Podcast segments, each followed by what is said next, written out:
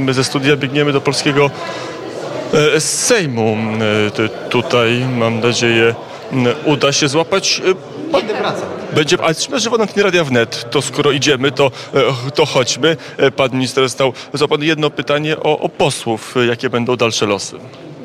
No przede wszystkim dalej są posłami y, i y, jestem przekonany, że w najbliższym czasie wrócą do Sejmu i będą mogli wykonywać swój y, mandat. Na pewno potrzebna jest chwila czasu, żeby także zdrowotnie doszli do dobrej formy, ale są posłami i muszą ten mandat dalej wykonywać. Jaka będzie taktyka Prawa i Sprawiedliwości na najbliższe miesiące? Wiele osób mówi, że ta taktyka jest, jest błędna, że Donald Tusk was spycha do, do defensywy, do narożnika.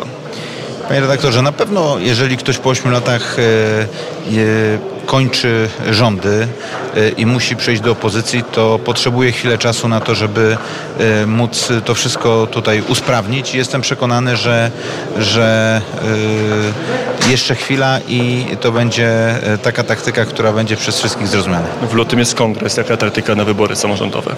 Tak jak powiedziałem, panie redaktorze, y, to nie jest dzisiaj czas, żeby mówić w mediach o taktyce, ale jestem przekonany, że pracujemy nad takimi rozwiązaniami, które pozwolą nam, żeby wrócić do władzy. Zachodniopomorskie jest przygotowane. Kandydaci w Szczecinie, Koszalinie, Szczecinku. Wszędzie macie kandydatów y, także do Rady, do, do Sejmiku Wojewódzkiego.